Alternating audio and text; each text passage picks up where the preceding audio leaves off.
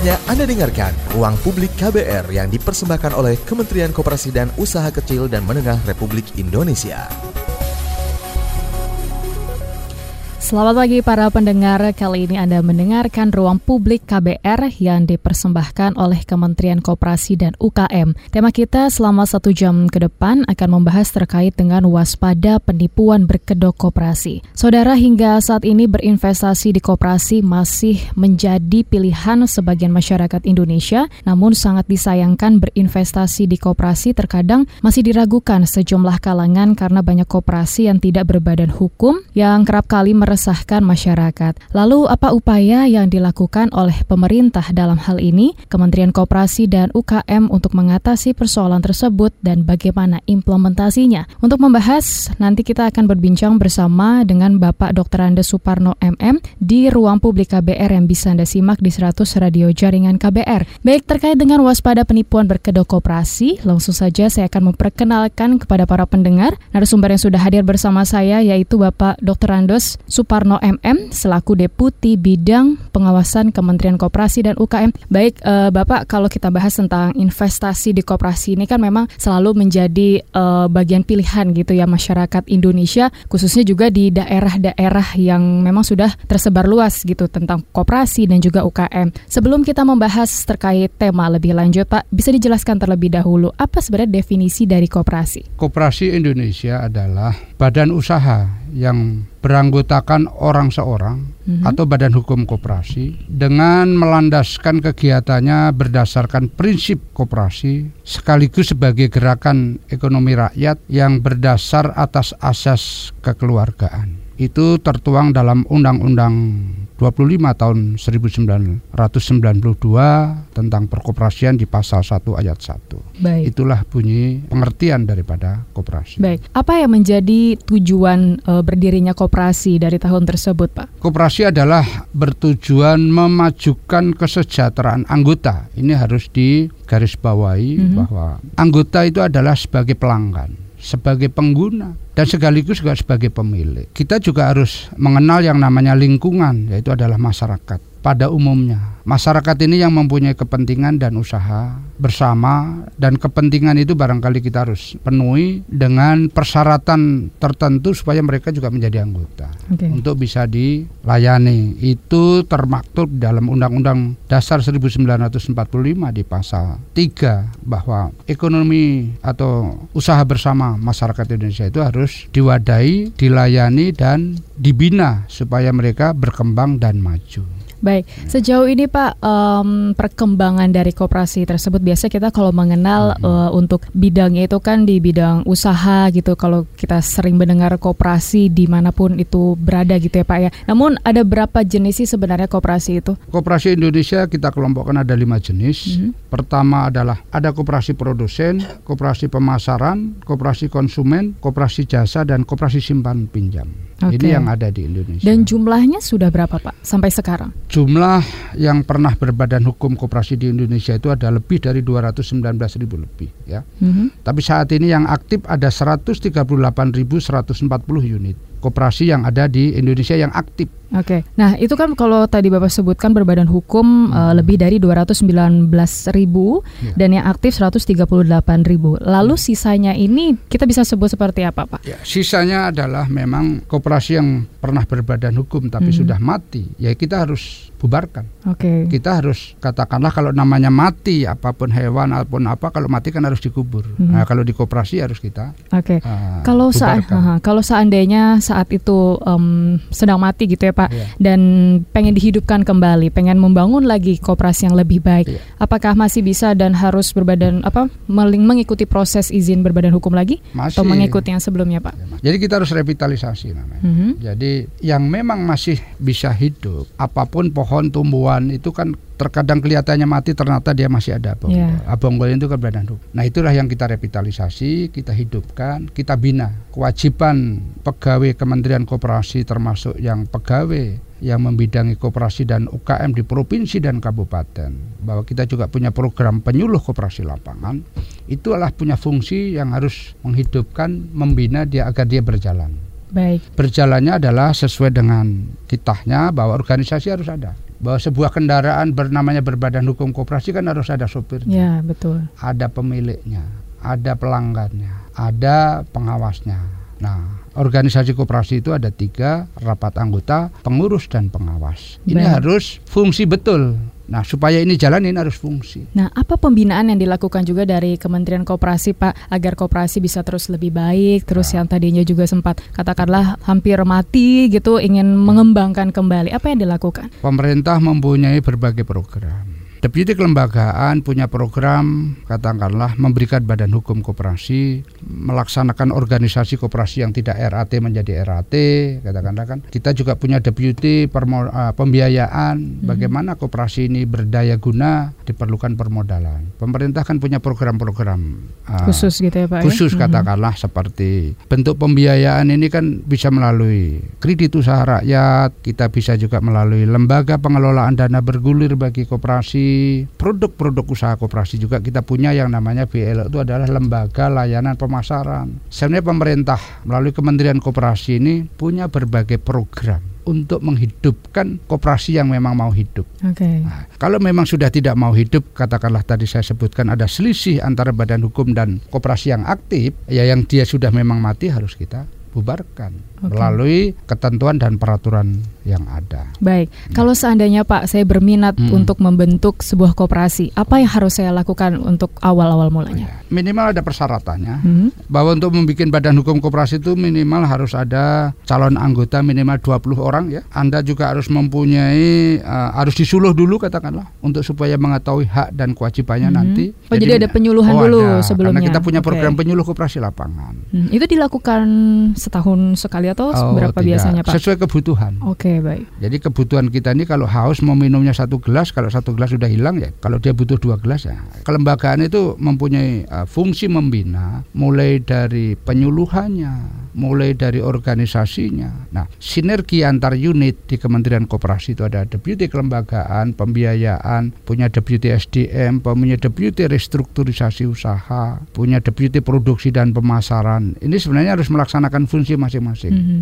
Nah, kalau fungsi ini dijalankan dengan baik, didukung dengan oleh apa sumber daya dan sumber pembiayaan yang tercukupi, saya pikir ini akan hidup. Makanya saya sebutkan koperasi ini sudah berumur 74 tahun, dari 219 ribu yang berbadan hukum ada 138 koperasi yang aktif. Bahkan juga kita harus ketahui bahwa koperasi Indonesia ini sudah ada yang masuk urutan 94 daripada 300 koperasi besar dunia Wow. koperasi Mhm. karyawan uh, Telkomsel, Kisel, bahwa koperasi warga semen Gresik sudah masuk juga. Jadi jangan dianggap bahwa kecil uh, koperasi itu selalu dalam kondisi oh kecil, terpencil, daerah kemiskinan. Ya, memang ini hanya di kewajiban sebuah kantor saja gitu ya, Pak ya. Mhm. Di masa lalu kita memang harus hadir di daerah-daerah itu. Tetapi di era sekarang ini warga masyarakat Indonesia harus memahami bahwa di kota metropolitan ini sudah banyak muncul koperasi-koperasi yang skala besar. Koperasi-koperasi yang tumbuh karena membidik pasar. Di Indonesia kan sedang tumbuh startup. Di Indonesia sedang tumbuh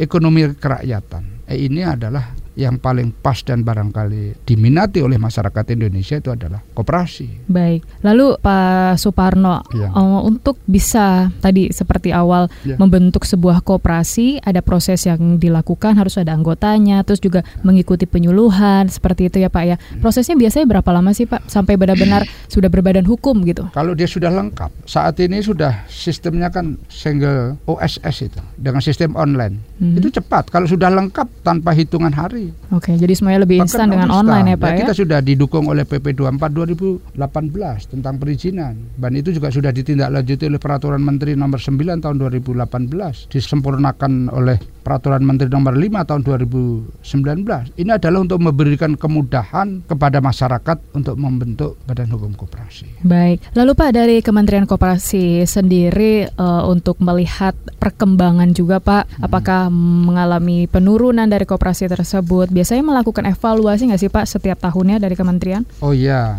kita kan setiap triwulan harus mengevaluasi. Dan kita juga Kementerian Koperasi sedang terus mendata Mhm. dari koperasi masa lalu yang badan hukumnya diterbitkan oleh Kandep. Kandep itu adalah tingkat kabupaten, oleh provinsi dan oleh pusat. Ini kan sedang kita data juga, namanya data uh, eh, NIK, nomor induk koperasi. Mm-hmm. Kita juga sedang data juga namanya ODS, data untuk mengetahui perkembangan koperasi. Jadi kita untuk melihat koperasi katakanlah di Papua sebenarnya tidak harus kita datang ke sana. Kita sudah bisa bisa lihat di nomor NIK, ODS, kita bisa lihat. By online tadi. Ya, By ya, online mm-hmm. tadi. Ini sudah kita lakukan dari program Kementerian Koperasi untuk menyempurnakan pendataan, menyempurnakan berbagai hal. Nah, koperasi juga harus punya kewajiban melaporkan kepada instansi pembinanya. Melaporkan itu bisa lewat dinas kabupaten, bisa lewat dinas provinsi, bisa juga lewat Kementerian Koperasi. Supaya kita mengetahui uh, perkembangan daripada kegiatan koperasi, kita juga ingin mengetahui aktivitas daripada koperasi itu sendiri. Gitu. Nah itu laporan-laporan itu kita evaluasi, kita masukkan kepada data ODS dan NIK itu sehingga siapa pun yang ingin memanfaatkan lembaga itu, katakanlah saya ingin menjadi anggota koperasi, berarti kita sudah tahu bahwa koperasi ini pengurusnya siapa, pengawasnya siapa, kegiatan usahanya apa saja. Saya bisa memanfaatkan dari sisi usaha saya apa. Nah itu harus harus bisa dilihat di situ. Baik, uh, lalu Pak kalau kita bahas tentang koperasi hmm. tadi uh, teknologi juga sudah semakin canggih hmm. di era digital seperti ini semua sudah melakukan uh, buy online gitu ya, ya Pak ya. ya. Banyak yang berpikir kalau koperasi ini kan beberapa hal gitu menganggap jadul lah sudah lama misalnya seperti itu. Namun di era serba digital ini adakah inovasi juga Pak yang dilakukan dari Kementerian Koperasi untuk membuat lebih milenial? Oh iya, jadi zaman ini kan terus berkembang. Mm -hmm. Anggota koperasi ini bukan orang-orang tua saja bahwa di kalangan pemuda, kalangan perfilman, kalangan para pemilik usaha transportasi dan lain sebagainya ini sebenarnya sudah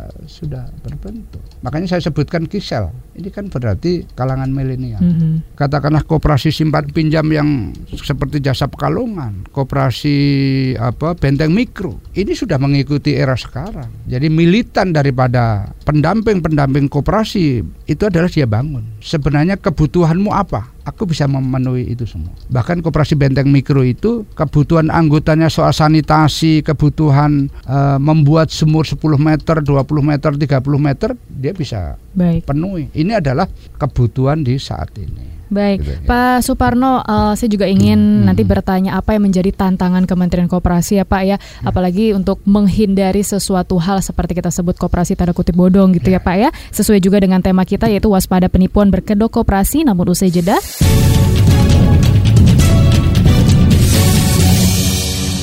Terima kasih Anda masih setia bersama kami pagi ini di Ruang Publik KBR yang dipersembahkan oleh Kementerian Koperasi dan UKM. Tema kita hingga pukul 10 waktu Indonesia Barat nanti masih membahas terkait dengan waspada penipuan berkedok koperasi. Baik, um, saya masih bersama dengan Pak Suparno, yaitu selaku Deputi Bidang Pengawasan Kementerian Koperasi dan UKM. Baik Pak Parno, tadi sebelumnya saya ingin bertanya mengenai tantangan terbesar dari Kementerian Koperasi gitu Pak untuk menghindari koperasi bodong. Tapi sebelum itu kita terima telepon terlebih dahulu. Sudah ada Ibu Tri di Jakarta. Selamat pagi Ibu Tri. Ya halo selamat pagi. Ya. Selamat pagi Pak. Pagi. Silahkan Ibu. Ya Pak, saya mau bertanya ya. uh, terkait tema ini menarik ya karena ya. orang sekarang jarang membahas soal koperasi apalagi uh, penipuan dengan kedok koperasi. Ya. Yang mau saya tanyakan itu tadi saya agak terlambat mendengarkan penjelasan Bapak tadi soal ada pendampingan, ada training gitu ya Pak ya. ya. Nah dari segi untuk dari kita awam ini Pak, kalau hmm. untuk mengenali yang mana koperasi abal-abal atau ilegal begitu,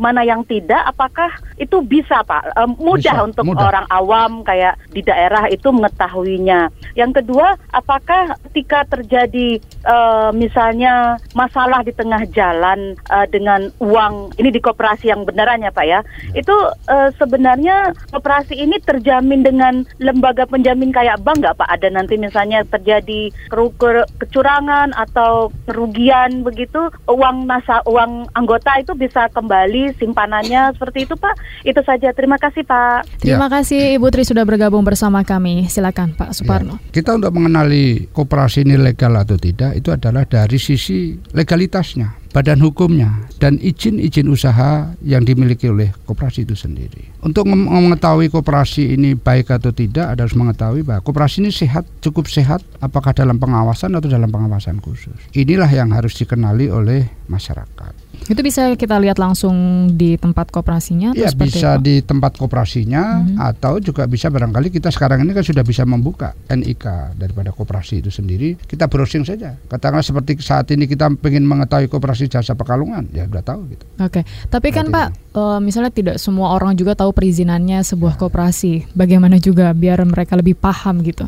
Saya pikir kita untuk mau bermitra menjadi anggota ini kan harus mengenali. Hmm. Koperasi ini domisilinya di mana? Siapa pengurusnya? Dan usahanya apa saja? Nah itu kan harus kita kenali. Untuk mengenali itu namanya koperasi ini kan kalau koperasi simpan pinjam jelas bahwa dari oleh dan untuk kita kan harus kenali di sana.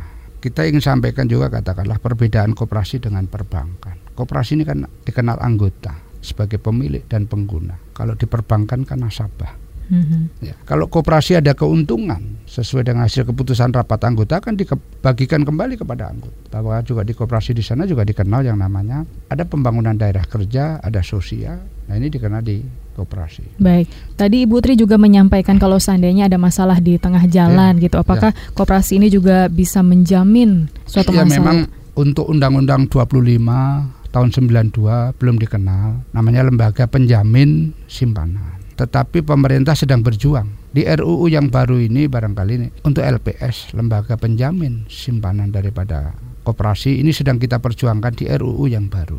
Nah ini semuanya kan harus dilandasi oleh itu.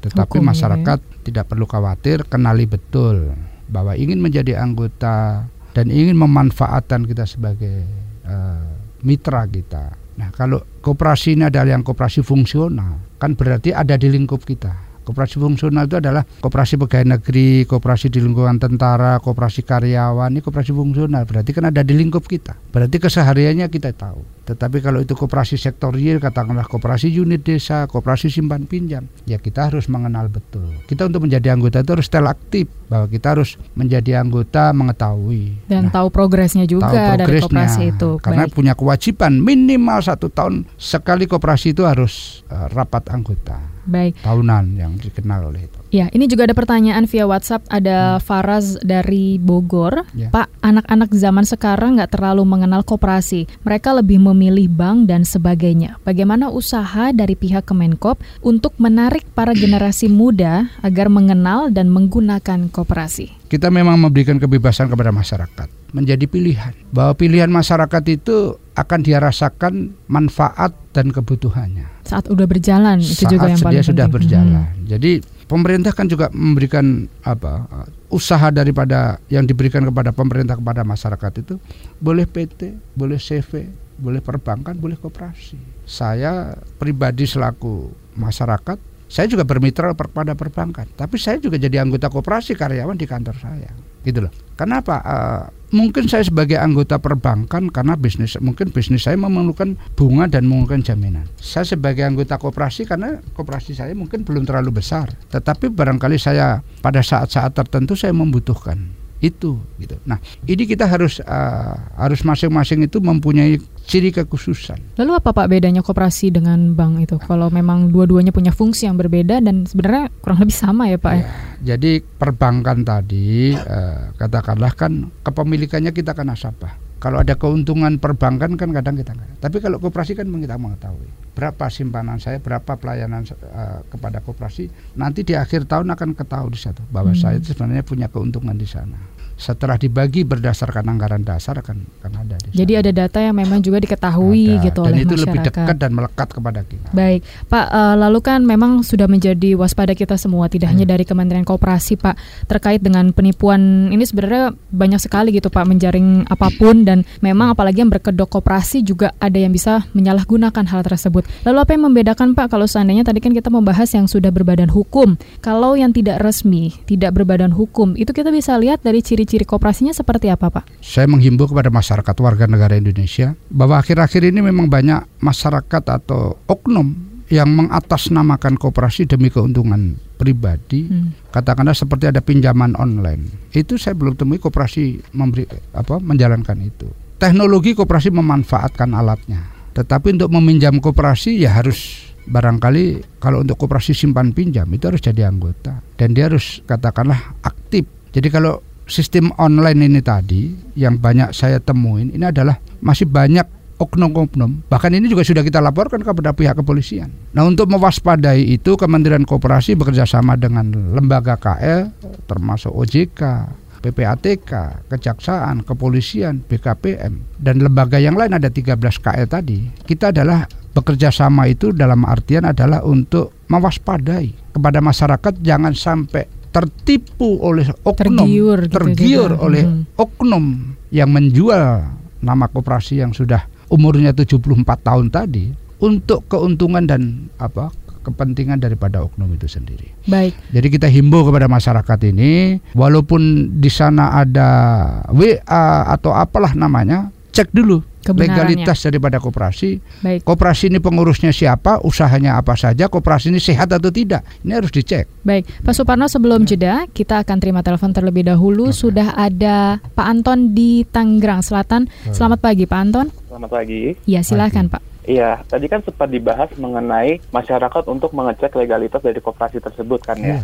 Nah, uh, saya itu tidak jarang membaca berita mengenai kasus pinjaman online. Pinjaman online yang bersifat bodong mengatasnamakan satu koperasi dan koperasi tersebut merupakan koperasi yang nyata. Kenapa bisa disebut nyata? Karena ketika korban ingin melakukan peminjaman, peminjam tersebut itu memberikan data-data legalitas-legalitas yang valid mengenai koperasi tersebut. Sehingga banyak sekali korban dan nama koperasi tersebut itu menjadi jatuh. Nah, eh, yang ingin saya tanyakan itu bagaimana cara pihak Bapak menanggulangi kasus-kasus tersebut dan menanggapi juga kasus-kasus seperti ini, Pak. Baik, itu saja Pak Anton. Ya itu saja Mbak. Ya. Terima kasih. Uh, Jadi, nanti Pak Suparno hmm. ditanggapi usai jeda kita harus jeda dulu sejenak.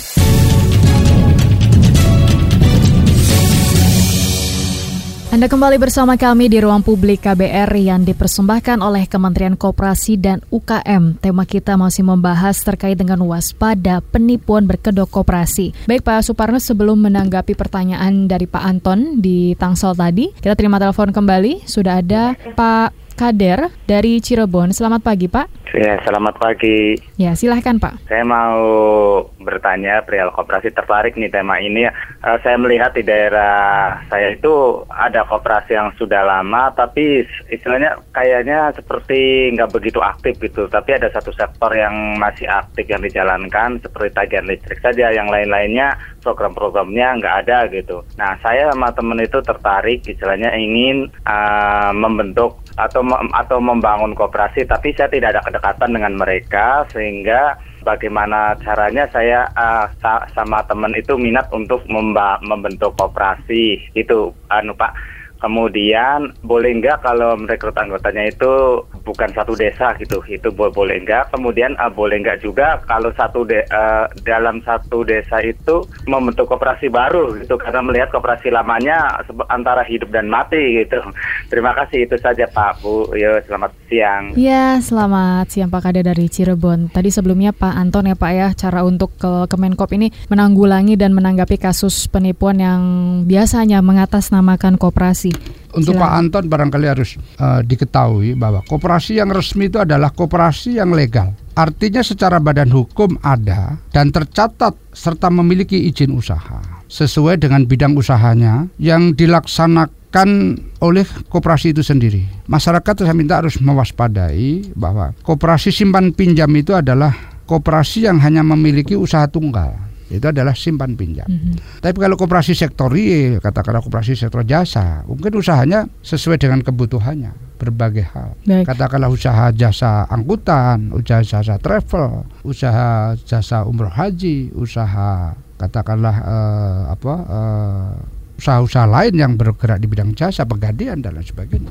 Ini harus kita kenali adalah legalitas. Baik, uh, tadi juga Pak Anton uh, menyampaikan salah satu kasus seperti peminjaman online gitu ya Pak ya. Uh, seandainya mereka sudah memberikan data yang valid katakanlah sesuai hukum seperti itu. Lalu apakah nantinya um, hasil dari uh, data tersebut itu bisa dicek di Kemenko Pak? Bisa. Untuk jadi, masyarakat tahu bisa. juga. Jadi Badan Hukum Koperasi Perizinan bisa dicek di wilayah setempat. Katakanlah di kabupaten kota itu ada dinas yang membidangi koperasi dan UKM setempat. Di provinsi juga ada, di pusat juga ada. Nah ini kita sedang mengoptimalkan data ODS, NIK ini supaya juga masyarakat mengenali ciri-ciri koperasi yang legal dan sebagainya. Baik, tadi pertanyaan dari Pak Kader, cara intinya cara untuk membentuk koperasi dan apakah boleh juga merekrut anggota yang tidak satu desa? Jadi koperasi yang katakanlah seperti yang disebutkan mitra kami dari Cirebon tadi, koperasi ini sudah lama berdiri tapi usahanya hanya saat ini hanya pelayanan jasa listrik. Hmm. Ma, mereka ingin bahwa koperasi ini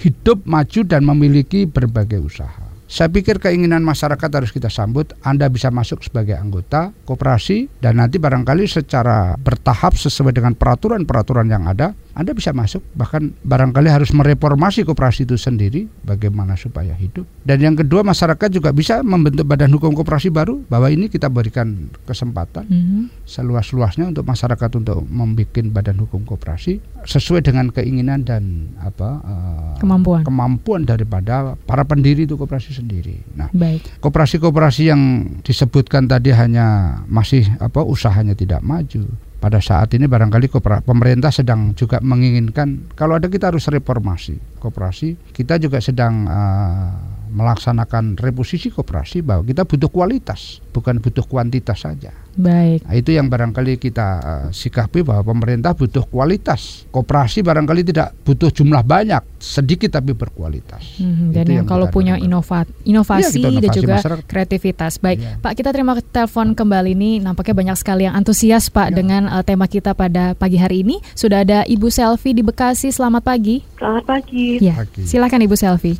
Iya, saya mau nanya Pak, lebih aman minjam duit sama koperasi atau sama uh, kredit yang di luar Pak gitu. Koperasi di sini dalam arti koperasi kantor misalnya gitu. Lebih aman yang mana Pak? Terus yang kedua, kalau koperasi kantor atau perusahaan bisa juga nggak itu terbuka untuk umum ya atau hanya khusus untuk orang yang bekerja di perusahaan itu aja ya. makasih banyak Pak ya. terima kasih Ibu Selvi dari ya, Bekasi kita harus kenali dulu barangkali koperasi fungsional tadi adalah koperasi karyawan dilihat dari anggaran dasarnya jadi kalau koperasi itu hanya mengkhususkan karyawan berarti terbatas kepada anggota tetapi kalau koperasi karyawan tadi membuka diri ingin meng-hire kepada masyarakat untuk umum di sekitarnya hmm. umum katakanlah ada kantin di sekitarnya, ada banget dan sebagainya. Ya dibuka anggaran dasarnya. Jadi, boleh ya Pak ya? Boleh. Harus izin dulu kah? Tergantung dari keputusan rapat anggota.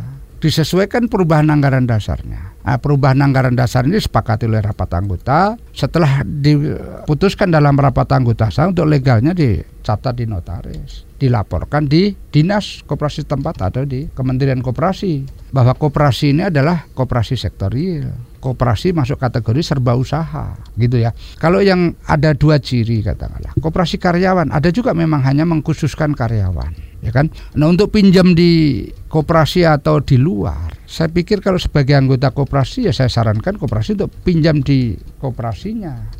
Karena nanti manfaat keuntungan manfaat pembagian keuntungan itu akan kembali kepada anggota hmm. sesuai dengan punya anggaran dasar. Dan mana Tapi yang kalau, hmm. kalau kita pinjam dari luar ya namanya pinjam dari luar kalau sudah selesai sudah nggak ada hubungannya apa-apa. Tetapi kalau di sini kita adalah ikut membesarkan kooperasinya sendiri, menerima manfaat dan lain sebagainya. Jadi bisa dikatakan aman minjam oh uang iya, di kooperasi ya Pak ya? Di kooperasi karena itu kan milik kita dan okay. kita sebagai anggota. Kalau di luar kan ya kita putus, tidak ada, tidak ada. Saya pikir masyarakat Indonesia juga sudah harus mengenali bahwa kita belanja di tempat-tempat yang lain saat ini barangkali. Itu sebenarnya sudah member. Kadang-kadang sudah jadi anggota, mau jadi anggota Nah itu kan sebenarnya ciri khas koperasi sebenarnya kan gitu. Baik, Pak kalau membahas terkait juga yang berkedok koperasi, katakanlah seperti ya hmm. penipuan yang sudah hmm. tadi kita bahas. Sebenarnya dari Kemenkop ada data tersendiri nggak sih Pak yang dimiliki juga mengenai bentuk-bentuk penipuan yang sudah pernah terjadi dan mungkin nantinya akan melakukan survei gitu atau penelitian ke sebuah daerah tersebut? Ya kalau yang dikategorikan katakanlah koperasi ini tujuannya tidak baik. Seperti langit biru kita tutup, pendawa kita tutup hmm. karena mereka adalah sudah mencirikan dia menggunakan badan hukum koperasi tapi usahanya keluar tidak sesuai tidak dengan sesuai dengan peraturan ya peraturan bahwa koperasi koperasi yang lain juga banyak katakanlah uh, bapak ibu mungkin juga kenali namanya Cipaganti hmm. mereka usaha awalnya adalah transportasi tetapi mereka terus mengarah ke yang bukan tidak boleh tapi kalau ini memang dilaksanakan dengan profesional dan bagus ya ada tetapi kalau sudah tujuannya adalah untuk memperkaya orang per orang, oknum tertentu ya itu harus kita basmi. Jadi kita harus tegas pada koperasi yang nakal ya kita harus cabut. Yang merugikan masyarakat atau anggota ya kita harus laporkan Baik. kepada aparat penegak hukum. Bahkan juga tidak sedikit koperasi atau pengelola koperasi yang menyimpang kita penjarakan juga banyak. Baik. Gitu, itu sudah ada, sudah Pak, ada lah kata. Hmm. Pak Suparno nanti usai jeda saya ingin juga bertanya apakah setiap koperasi diawasi oleh OJK, bagaimana prosesnya, terus juga bagaimana dengan pinjaman-pinjaman online yang terdaftar di OJK, apakah memang sudah pasti aman Pak? Ditanggapi nah. usai jeda.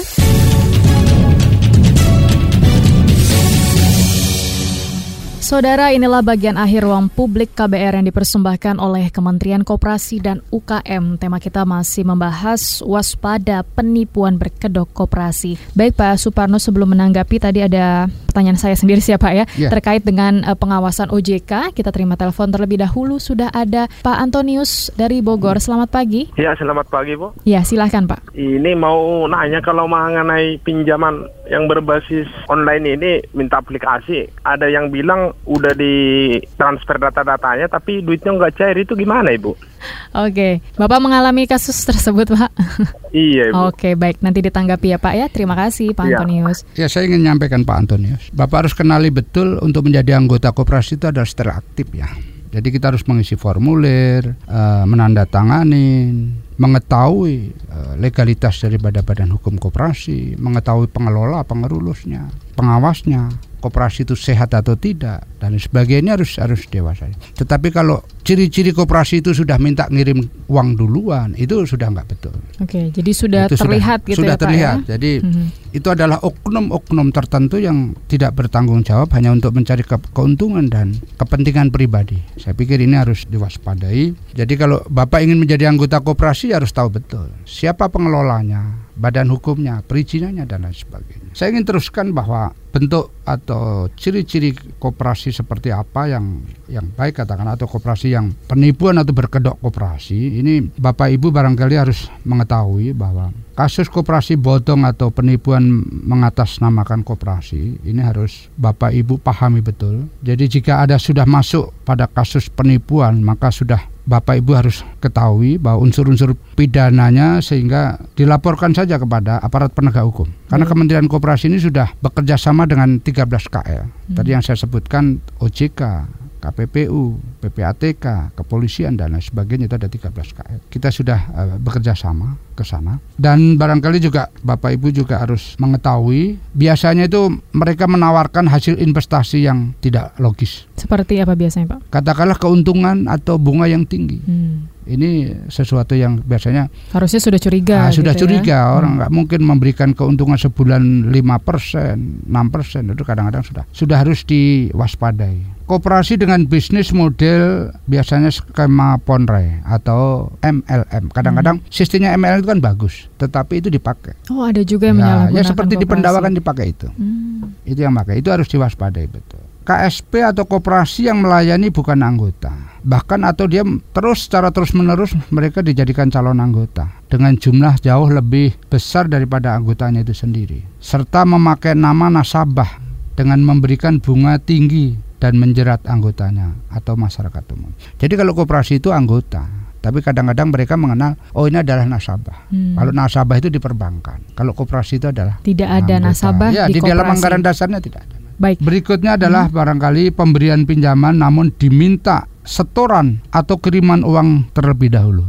Nah ini ini harus di apa diwaspadai. Kalau orang menawarkan pinjaman tapi suruh ngirim uang duluan, nah ini harus diwaspadai dulu. Baik, itu adalah bentuk-bentuk uh, hal yang harus diwaspadai harus oleh di, masyarakat di, agar tidak um, apa ya tidak menerima terjadi, ya. uh, terjadi penipuan yang berkedok koperasi. Um, lalu Pak, ya uh, sebelumnya kita akan bacakan dulu ya Pak, ada via WhatsApp ini dari Anton di Yogyakarta. Ya. Saudara saya ada yang jadi anggota koperasi. Suatu saat tiba-tiba uang koperasi dibawa lari oleh bendahara koperasi. Akhirnya saudara saya harus kehilangan uang cukup banyak dan harus merelakan kalau kejadian semacam ini kita bisa lapor ke mana, bagaimana lapornya, apakah para anggota akan mendapatkan penggantian uang. Sekaligus juga Pak, kalau seandainya ada pengaduan masyarakat ke Kementerian Koperasi harus melapor ke mana? Pertama apabila sudah dirugikan baik itu anggota maupun masyarakat yang sudah dirugikan oleh pengelola Pertama bisa lapor ke dinas yang membidangi koperasi UKM setempat.